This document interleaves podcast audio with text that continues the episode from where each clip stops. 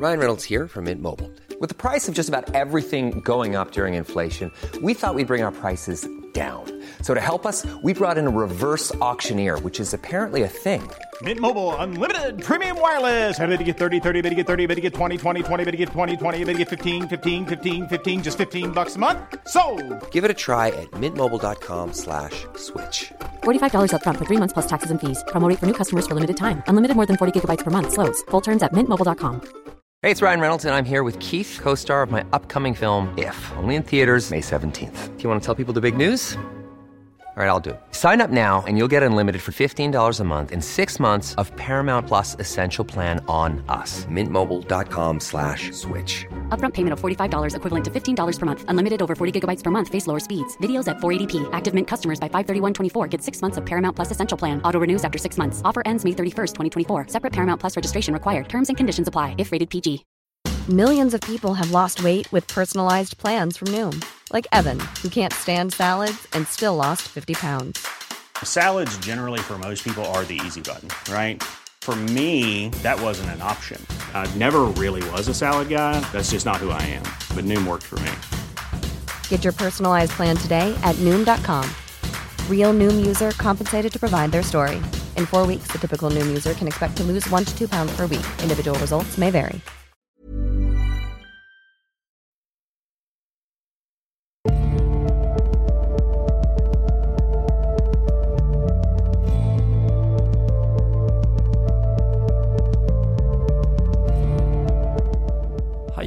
Velkommen til eh, Tåkeprat. Jeg heter Even, og vi er nå kommet til eh, episode 22 og del 2 i historien om Jim Jones og People's Temple.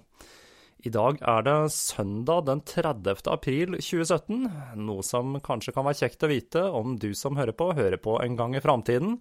Kanskje etter den store atomkrigen Jim Jones eh, forutså, og du har vært så lur å sjekke artiklene i Squire om hvor det er lurt å gjemme seg i tilfelle bomben faller. I eh, denne episoden så skal jeg ta for meg perioden der eh, People's Temple vokste fra å være en liten menighet til å bli en stor religiøs bevegelse med en viss innflytelse både sosialt og politisk. Dette er også en periode da Jim Jones' mørkere side blir mer tydelig, og han begynner systematisk med indoktrinering av tempelmedlemmene for å sikre seg absolutt lojalitet.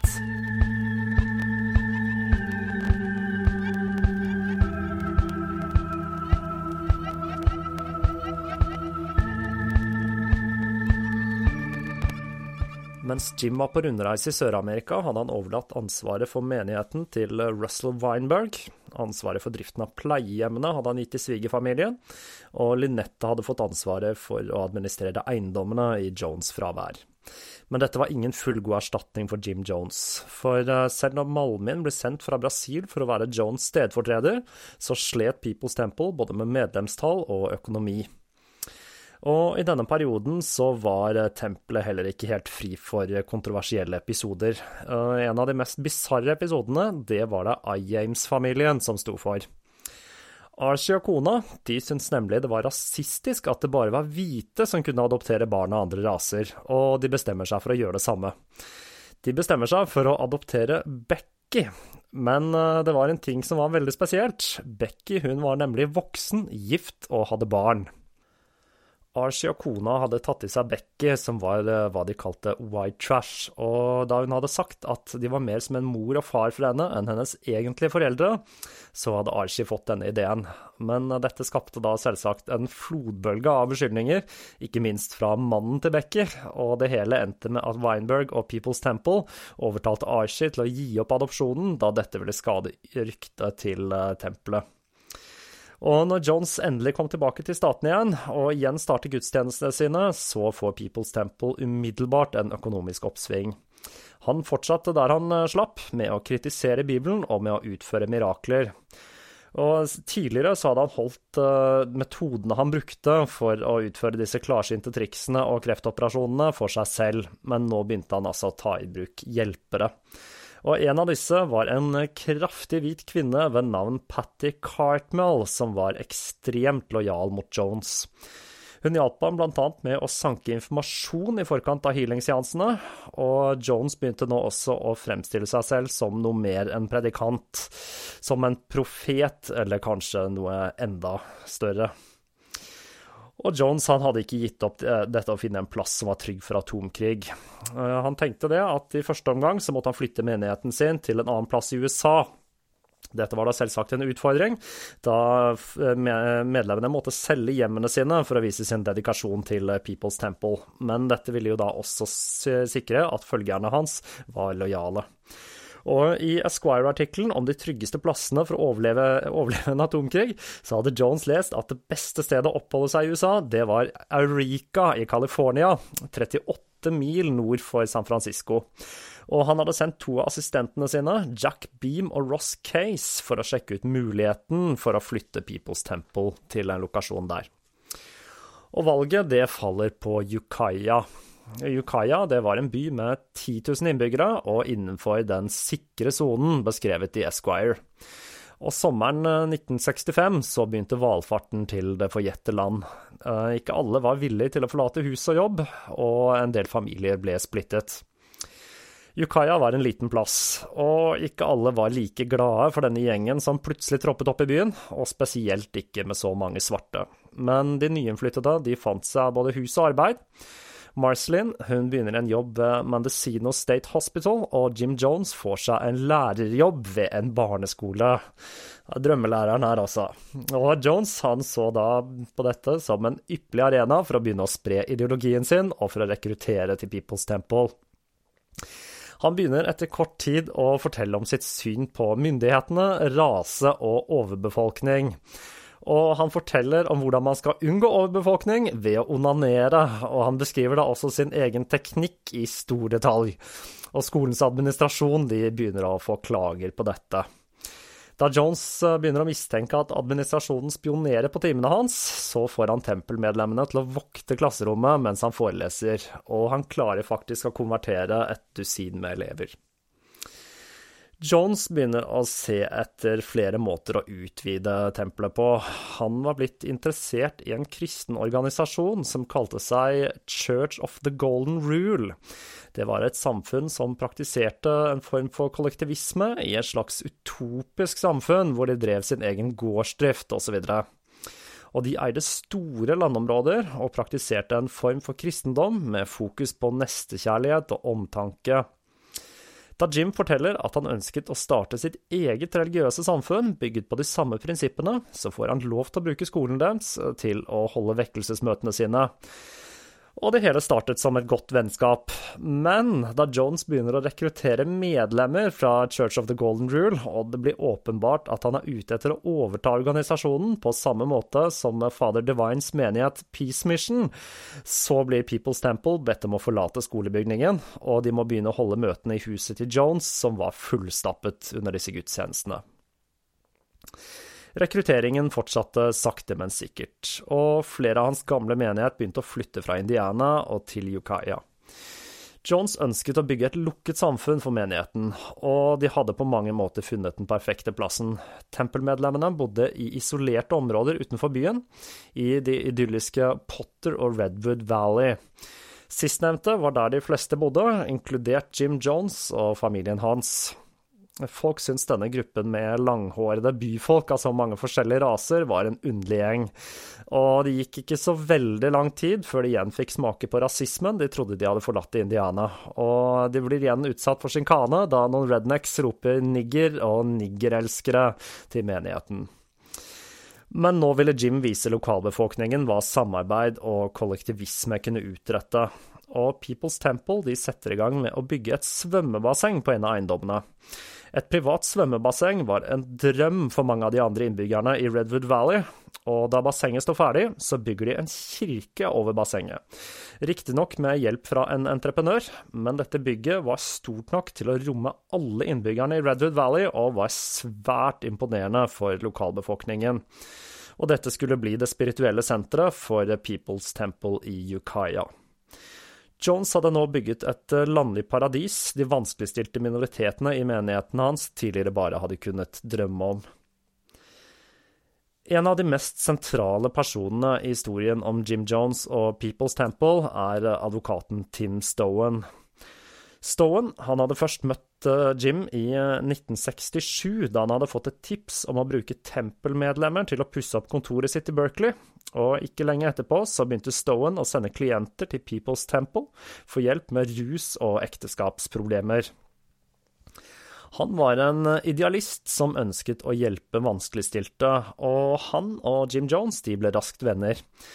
Selv om noen av disse healing-seansene var litt voldsomme, så rasjonaliserte Stowen disse med at det nok var mange psykosomatiske lidelser som ble helbredet, og det var tross alt det veldedige arbeidet og arbeidet mot diskriminering som var viktig.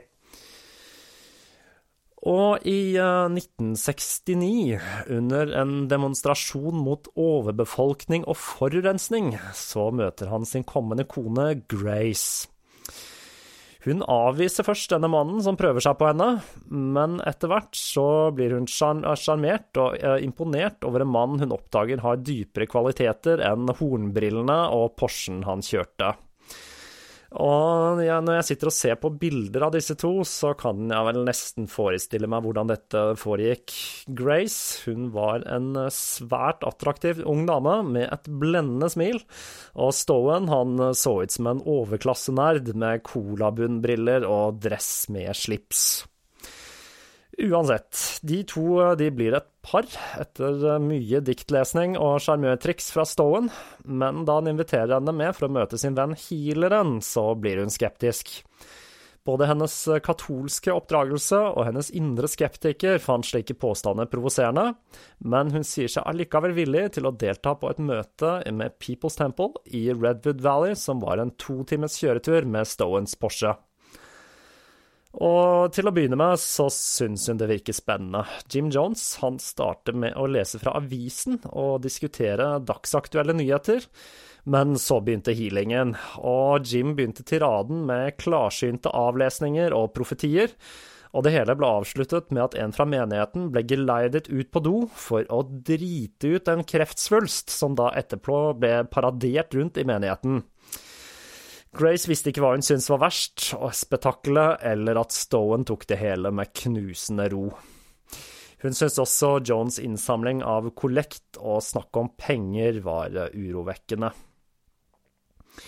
Men i 1970 så bestemmer Stowen seg for å flytte til Redwood Valley og slutte seg til People's Temple.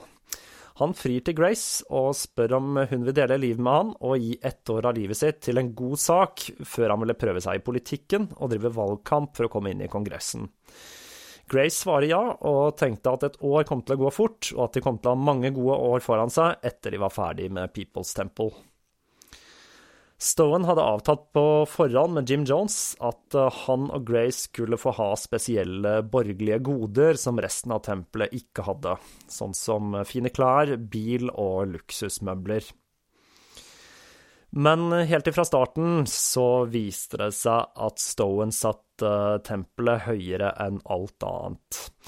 Grace sin familie de ønsket et katolsk bryllup, men Jim Jones innså at dette bryllupet ville være en ideell mulighet for å introdusere Stowens mange innflytelsesrike venner for People's Temple, og han insisterte på at det hele skulle være et tempelbryllup. De blir da gift av Jim Jones i noe som var et stort bryllup etter tempelstandarder, med 300 gjester og Tim sverger at Grace ikke skal behøve å jobbe, slik at hun kan fullføre utdannelsen sin. Stowen han brukte det meste av tiden sin på å jobbe med juss for eh, People's Temple og på å gi Jim Jones juridisk veiledning. Han blir raskt et dedikert og troende medlem av People's Temple, og han begynner å snakke varmt om sosialisme. Jim Jones' syn på sex det forandret seg hele tiden, og i 1968, når Marcelins søstre var på besøk i Redwood Valley, hadde Jims prekener begynt å sentrere seg rundt fri sex. Sex mellom ung og gammel, pen og stygg, mellom gift og ugift. Sex var frihet, proklamerte Jones nå, i sterk kontrast til sin tidligere beskjed om å leve i sølibat. Dette sjokkerte Sharon, søstera til Marceline altså, som var nære ved å spørre Marceline om dette, men hun lot temaet ligge.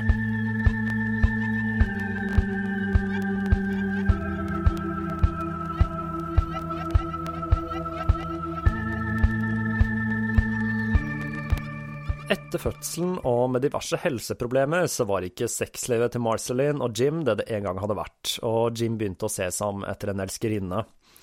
Og han hadde nok å velge. Det var mange templer som ville gi seg villig hen til pastoren, som jo hadde en viss rockestjernestatus. Men Jim Jones han hadde sett seg ut en av de mest usannsynlige av tempelmedlemmene til denne oppgaven, nemlig Carolyn Laton. Carolyn var ikke bare en svært religiøs kvinne fra en svært religiøs familie. De andre tempelmedlemmene sa hun lignet på damen i American Gothic-maleriet av Grant Wood, og hun var da også gift med Larry Laton. Carolyn og Larry de hadde gitt alle eiendelene sine til People's Temple og flyttet til Redwood Valley i 1969. For eh, Jim han var ute etter ikke bare å få tilfredsstilt seg selv seksuelt, men han trengte også noen som kunne overta Marcelins lederskap i People's Temple.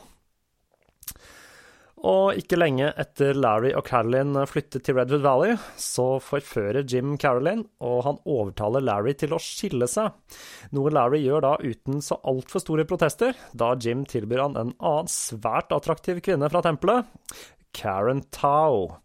Dette var da en kvinne Jones også skulle innlede et seksuelt forhold til noen år senere, for å gjøre nedverdigelsen av Larry total.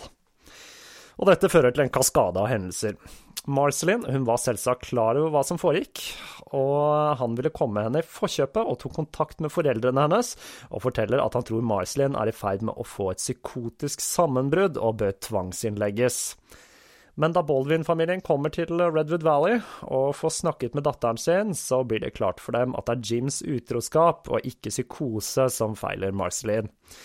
Jim innser at planen var gått i vasken, og Marceline hun planlegger å ta med seg ungene og søke om skilsmisse. Og hun får hjelp fra uventet hold, nemlig fra Lynetta, som ikke bifalte denne affæren til Jim. Men Jim han får nyss om planene, og gjennom manipulasjon så får han ungene til å ta sin side i saken. Og det hele ender med at Marceline blir hos Jim som hans kone, og Caroline blir hans elskerinne og en andre mor for barna. De deler eh, på omsorgen for eh, regnbuefamilien, og Jones forklarer villig vekk til barna at deres nye mor var der fordi Marceline ikke klarte å tilfredsstille far seksuelt, og han forventet at de skulle behandle Carolyn på samme måte som Marceline. Dette var en spesielt hard belastning for eh, Steffen, som ved flere anledninger forsøkte å ta livet sitt med Quaaludes.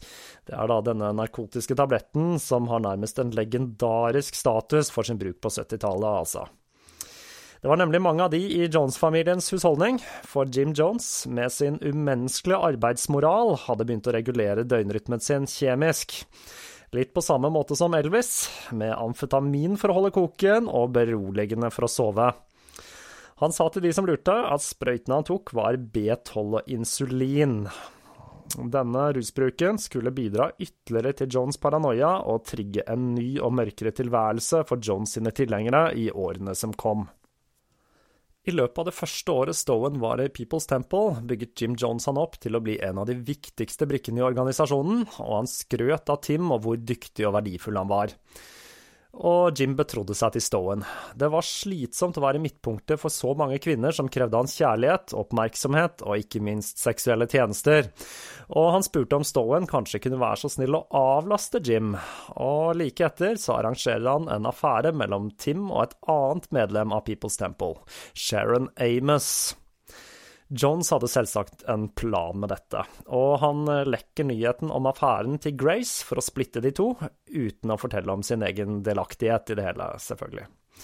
Men Tim og Grace bestemmer seg for å holde sammen allikevel, og i 1971 så blir Grace gravid og hun bestemmer seg for å beholde barnet, noe som skapte skandale i tempelet. For eh, Jims regel om adopsjon var fremdeles den gjeldende regelen, og at hun eh, valgte å beholde barnet og ikke ta abort, det skapte mye kritikk, blant annet fra Sharon Amos. Og Grace hun føder en gutt den 25. januar 1972. John Victor Stowen, en gutt som skulle være en viktig brikke i historien om People's Temple. For to uker etter fødselen så skjer noe skikkelig bisart. Jones får Tim Stowen til å skrive under på en erklæring om at det var Jones som var John Victors biologiske far, og at Tim hadde bedt Jones om å gjøre Grace gravid da han ikke var i stand til dette. Erklæringen ble også underskrevet av Marceline, som senere vil si at hun hadde gitt Jones tillatelse til å gjøre Grace gravid. Hvem som egentlig var barnets biologiske far, det er ukjent, men eh, John Victor Stowen han skulle bli selve symbolet på fellesskap i People's Temple, og et lysende eksempel på kollektiv oppdragelse og tempelets eh, medlemstall mangedoblet seg på begynnelsen av 70-tallet, med aktiv eh, dør-til-dør-rekruttering og med et eget nyhetsbrev, som senere skulle utvikle seg til å bli People's Temples eh, eget magasin, People's Forum. Når People's Temple da i 1973 kjøpte sitt eget trykkeri og startet sin egen redaksjon, som jobbet under ekstremt press og med lite søvn og sporadiske matpauser for å overholde tidsfristene til Jim Jones. Med dette arbeidet så får de altså mange nye medlemmer, og tempelet det vokser økonomisk og begynner å få større innflytelse. I 1971 så hadde tempelet kjøpt et par gamle Greyhound-busser de brukte til å spre det glade budskap til byer i California som LA og San Francisco. Dette var begynnelsen på noe som skulle bli en hel flåte med busser som spredte Jims budskap rundt i USA. Jim Jones han hadde sin egen buss, nummer sju, utstyrt med en kortbølgeradio så han kunne kommunisere med de andre bussene, og med en egen lugar med seng, kjøleskap og garderobe. For de andre tempelmedlemmene så var derimot bussturene en svært ubehagelig affære, og enkelte foretrakk å sove i bagasjerommene under bussen framfor i de trange forholdene i kupeen. Og det er i denne buss 7, Deborah Layton, hun som skrev 'Seductive Poison', altså, blir utsatt for overgrep av Jim Jones. Under en av utfluktene så beordrer han alle av bussen, bortsett fra Deborah, og ber hun vente i lugaren hans.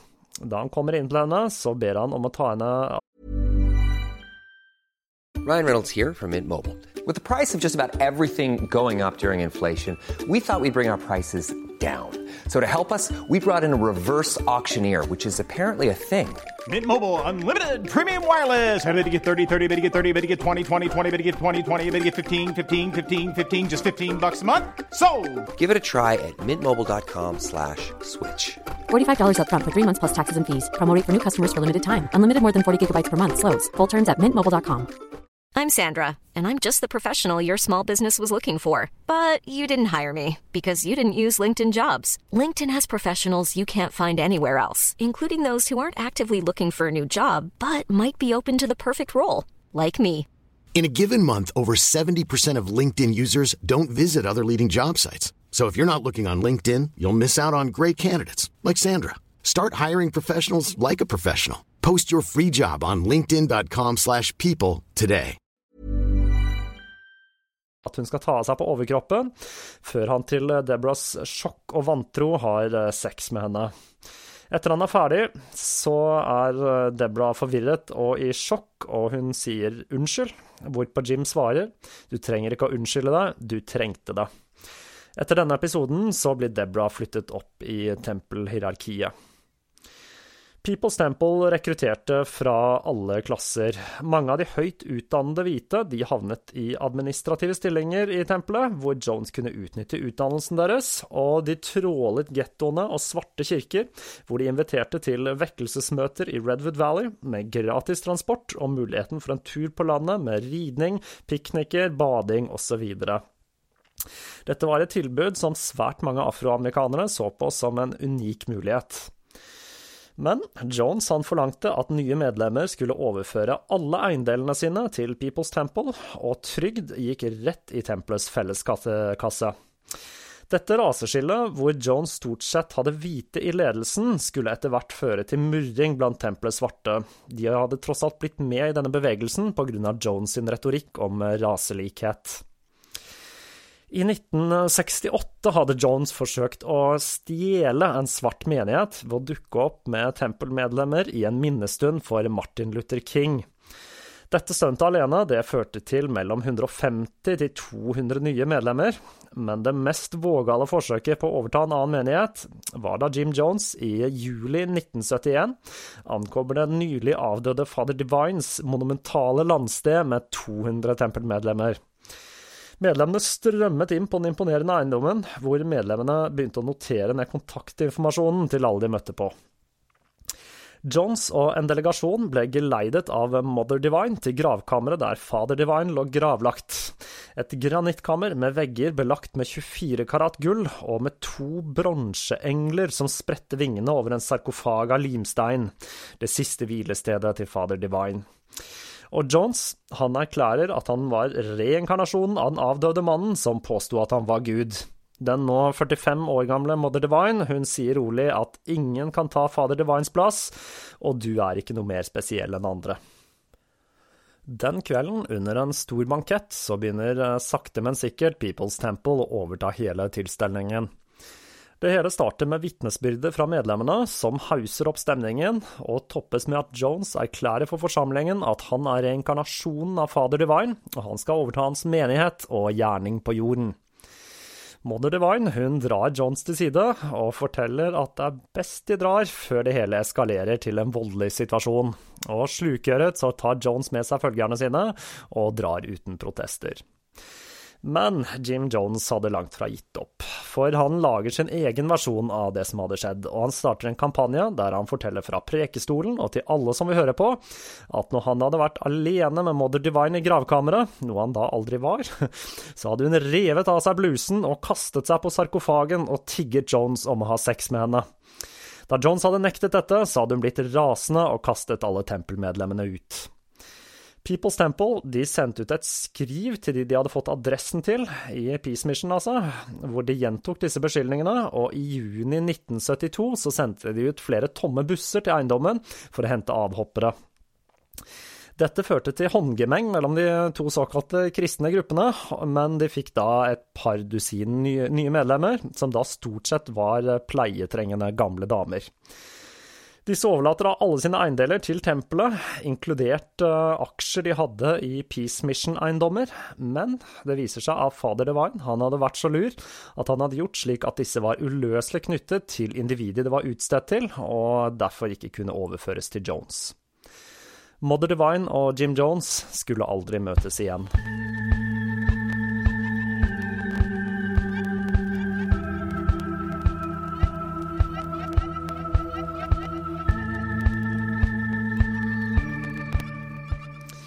Jones uh, lovte sine tilhengere evig liv, og han snakket om reinkarnasjon, noe han brukte for å rettferdiggjøre sin egen guddommelighet. Han var da reinkarnasjonen av flere historiske skikkelser, som Lenin, Buddha og Jesus. Det er påfallende hvor mange som er reinkarnasjonen av betydelige historiske figurer og han begynte igjen å utfordre Gud. Denne gangen så begynner han å kaste Bibelen i bakken ved gudstjenester, og han begynner å hoppe på den og proklamerer at himmelguden ikke har gitt menigheten hans noen ting, men Jones, deres sosialistiske arbeidergud, hadde sørget for at de hadde alt de trengte. Gud var, ifølge Jones, sosialisme manifestert i han selv. Og Jones eh, vridde synet sitt på sex enda en gang.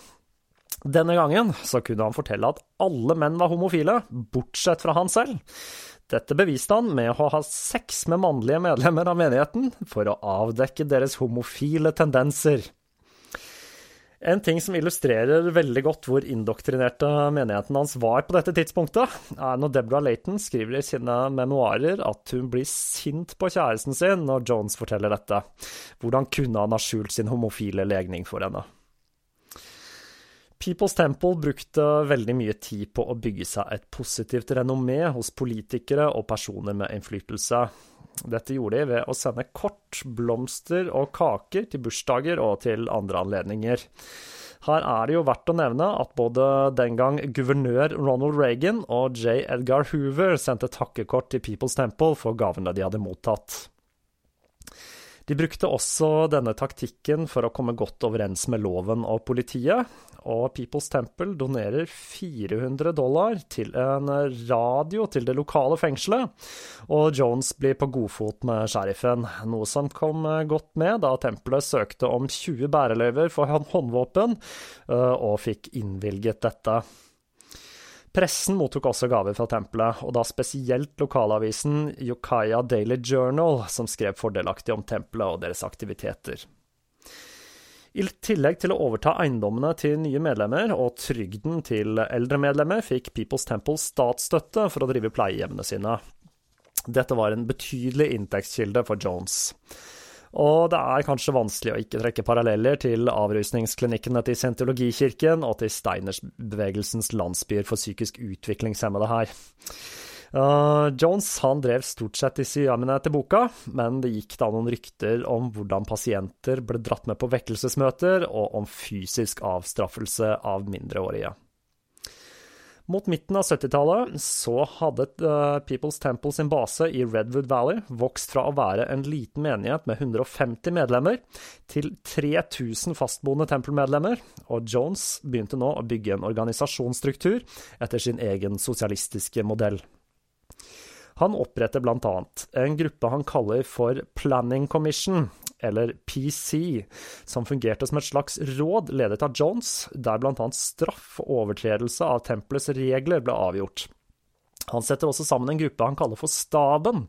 Dette var hans nærmeste allierte, og bidro ikke bare med å hjelpe Jones med informasjonssanking til miraklene hans, men utførte hemmelige oppdrag for tempelet, eksempel med pengeoverføringer og lignende.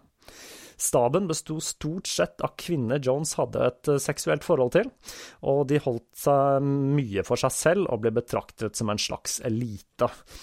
Og her får jeg da assosiasjoner til den kvinnelige elitevaktstyrken til Gaddafi, som da også er kjent som Amazonene i vestlige medier. En av oppgavene til staben det var da altså å sanke informasjon om medlemmer, potensielle medlemmer og fiender ved å gå gjennom søpla deres natterstid. Dette var da også en god måte å finne informasjon til å utføre nye mirakuløse helbredelser og profetier på. Møtene i PC var langdryge affærer og kunne vare hele natta. Disse ble ofte holdt eh, på loftet over vaskeriet, og Jones holdt det gående i timevis. Noen ganger så talte han så intenst at det ikke var tid til å gå på do, så et av medlemmene måtte holde en bøtte han kunne tisse i mens han prekte. Dette var også vanlig praksis under gudstjenestene hans. På disse møtene så ble det snakket inngående om sexlivene til medlemmene, og det er i PC Jones begynte å utvikle den kollektive formen for avstraffelse som ble brukt i People's Temple, katarsis. Katarsis det var en form for straff der resten av gruppen gikk løs på offeret og skjelte de ut og konfronterte personen med et enten ekte eller fabrikkert overtramp mot tempelets regler. Målet det var da å bryte ned egoet og spre usikkerhet mellom nære venner og familie. I eh, PC fikk Jones også medlemmene til å skrive under på tilståelser som kunne brukes mot dem om de skulle hoppe av, og de skrev også under på blanke ark, hvor Jones senere kunne fylle ut en tilståelse. Katarsis var eh, sammen med søvnmangel. Medlemmene jobbet da gjerne fulltid i tillegg til å jobbe i tempelet og være med på møter. Måten People's Temple brukte for å indoktrinere og kontrollere medlemmene. Her ser jeg igjen visse likheter til syntologikirken og auditing, selv om da katarsis etter hvert også skulle omfatte fysisk avstraffelse. Et gjennomgående tema var Jim sine prekener om hvor mye sexpress han opplevde, og de diskuterte i det vide og det brede hvilke kvinner og menn som hadde den slags typen tanker om far. I et av disse PC-møtene så forteller han at Deborah Layton hadde tvunget seg på han, og hun må stå foran hele forsamlingen for å beskrive hvordan hun hadde vært en belastning for far, og hvordan hun hadde latt sine egne egoistiske lyster styre henne. Han refererer da til voldtekten i buss 7. Dette var en eh, standard del av katarsis. De som hadde hatt sex med Jones, måtte stå foran forsamlingen og fortelle hva for en fantastisk elsker han var. Dette inkluderte også menn Jones hadde hatt analsex med, for å bevise at de hadde homofile tendenser. Alle måtte fortelle om sine seksuelle tanker om far. Dette inkluderte også barn, som måtte fylle ut spørreskjema hvor de måtte forklare hvilke seksuelle tanker de hadde hatt om Jones. En historie som Jones brukte titt og ofte, var at eh, den og den hadde truet med selvmord om personen ikke fikk ha sex med far, og Jones så seg nødt til uselvisk å ofre seg selv for at personen da ikke skulle begå selvmord. Personen fikk da gjennomgå i katarsis, hvor venner og familie skjelte ut personen for sin egoisme og borgerlige tendenser.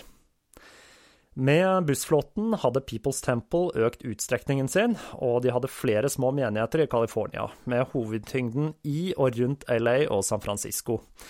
Og den 3. september 1972 åpnet People's Temple sin nye kirke i LA, som eh, den gang, som i dag, hadde en stor getto og mange potensielle medlemmer for tempelet.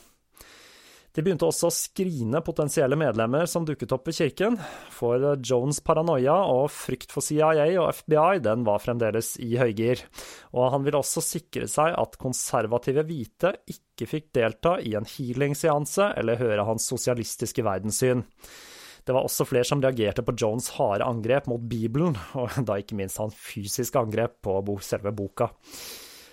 Selv om eh, forholdene i bussene var eh, stusslige greier, med søvnmangel, dårlig mat og den konstante bablingen til Jones over kortbølgeradioen, så var det mange som satte pris på denne muligheten til å reise og se steder de ellers aldri ville ha sett. People's Temple dukket til og med opp i eh, et positivt lys i Washington Post, da bussflåten med 660 tempelmedlemmer plukket søppel og ryddet opp rundt Capitol Hill i Washington DC. Og Washington Post de omtalte da tempelmedlemmene som årets turister. Og Jones hadde som vanlig flere jern i ilden. I tillegg til kollekt, trygd og statsstøtte til pleiehjem, så begynte han å selge merch. Gjennom uh, mailinglister med så mange som 50 000 månedlige mottakere, så solgte tempelet velsignelser i form av bilder av Jones, relikvier som biter av kappen hans osv., og, og hellige oljer. Jones var selv forbløffet over hvor mye penger han klarte å rake inn på denne geskjeften, og han begynner etter hvert også å selge bilder av seg selv, nøkkelringer og postkort på vekkelsesmøtene. Det var altså ikke akseptabelt med graviditet i People's Temple, og dersom du ble gravid, så var det forventet at du skulle ta abort. Men da Carolyn Layton ble gravid i 1974, så blir hun sendt hjem til foreldrene sine for å gå gjennom svangerskapet.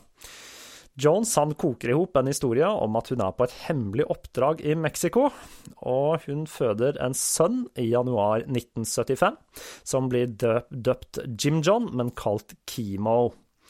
For å sørge for at Kimo skulle vokse opp med en farsfigur, så får Jones Caroline til å gifte seg med Mike Prokes. Men det var allmenn kunnskap i People Sample at Kimo var Jones' biologiske sønn. Jones forklarte dette bruddet på tempelkutyme med at han hadde gjort henne gravid ved et uhell når han skulle lære henne å bruke kroppen sin når hun var ute på et hemmelig oppdrag. Den vageste, lameste forklaringen noensinne. Unga fra tempelet som gikk på skole i Redwood Valley, var eksemplariske elever, men lærerne la merke til at de ofte var trøtte og slitne. Og en historie som er verdt å få med seg her, det er en dag når elevene kommer på skolen fulle av blåmerker og skraper. Og lærerne, da lærerne spør hva som har skjedd, så forteller de at de hadde vært med på en overlevelsesøvelse. De hadde blitt dumpet i ødemarka et godt stykke fra tempelet klokka elleve om kvelden, og så måtte de finne veien hjem selv. Dette førte til at det ble stilt en del spørsmål rundt forholdene for barn i tempelet, noe som da gjorde Jones enda mer paranoid. Jones gjorde sitt ytterste for at uh, tempelmedlemmene skulle føle at de var under konstante angrep fra usynlige fiender, og han arrangerte flere attentater på seg selv, hvorpå han hilte seg selv etter å ha blitt skutt av mystiske leiemordere som på merkelig vis aldri ble funnet etter attentatforsøkene. Han blir blant annet eh, skutt i hodet, hvor han påstår at han har dematerialisert kulen før den treffer han, og skutt i brystet, hvor han da healer seg selv, og de bruker denne skjorten som relik etterpå.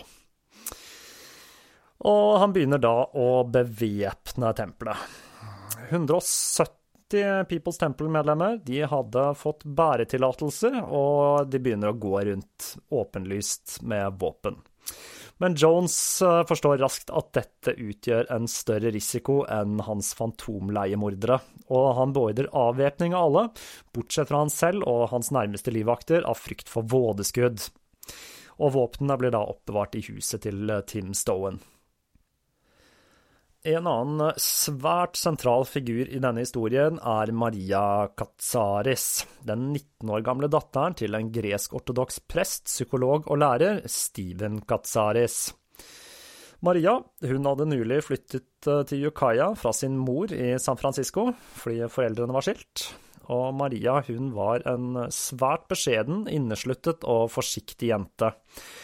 Og her så Jones en mulighet til å splitte en familie og utøve kontroll.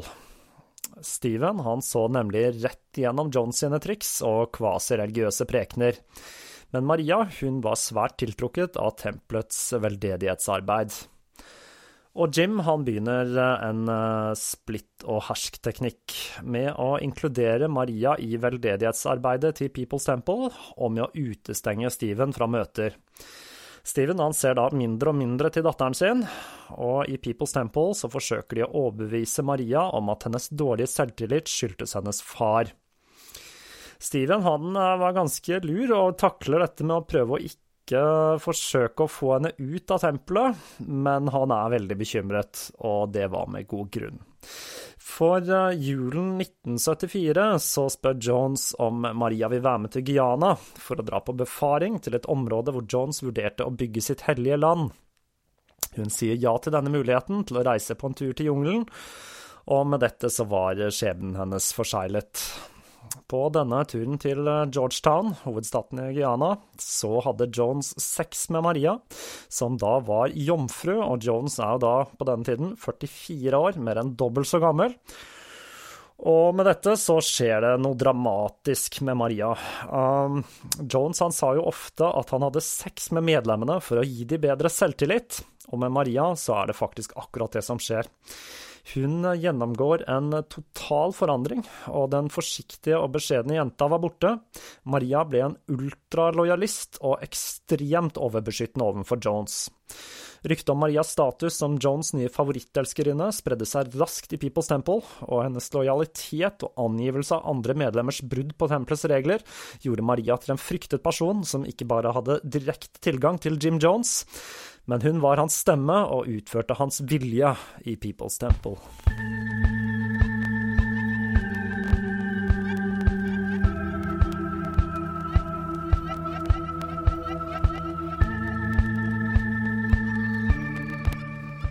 Og der forlater vi People's Temple eh, for eh, denne gang.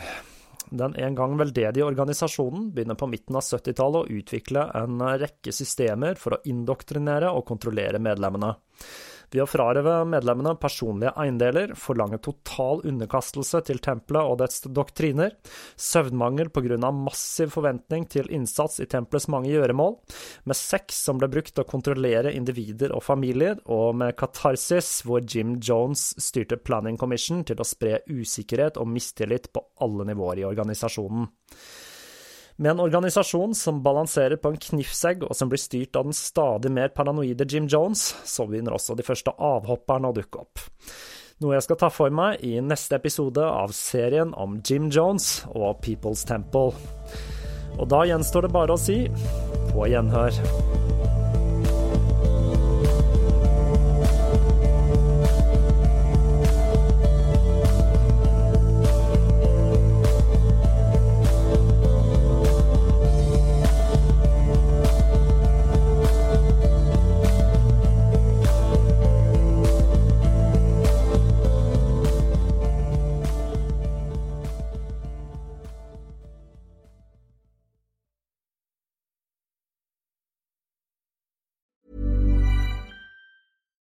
It's Paige DeSorbo from Giggly Squad. High quality fashion without the price tag. Say hello to Quince. I'm snagging high-end essentials like cozy cashmere sweaters, sleek leather jackets, fine jewelry, and so much more. With Quince being 50 to 80% less than similar brands and they partner with factories that prioritize safe ethical and responsible manufacturing i love that luxury quality within reach. Go to quince.com slash style to get free shipping and 365 day returns on your next order.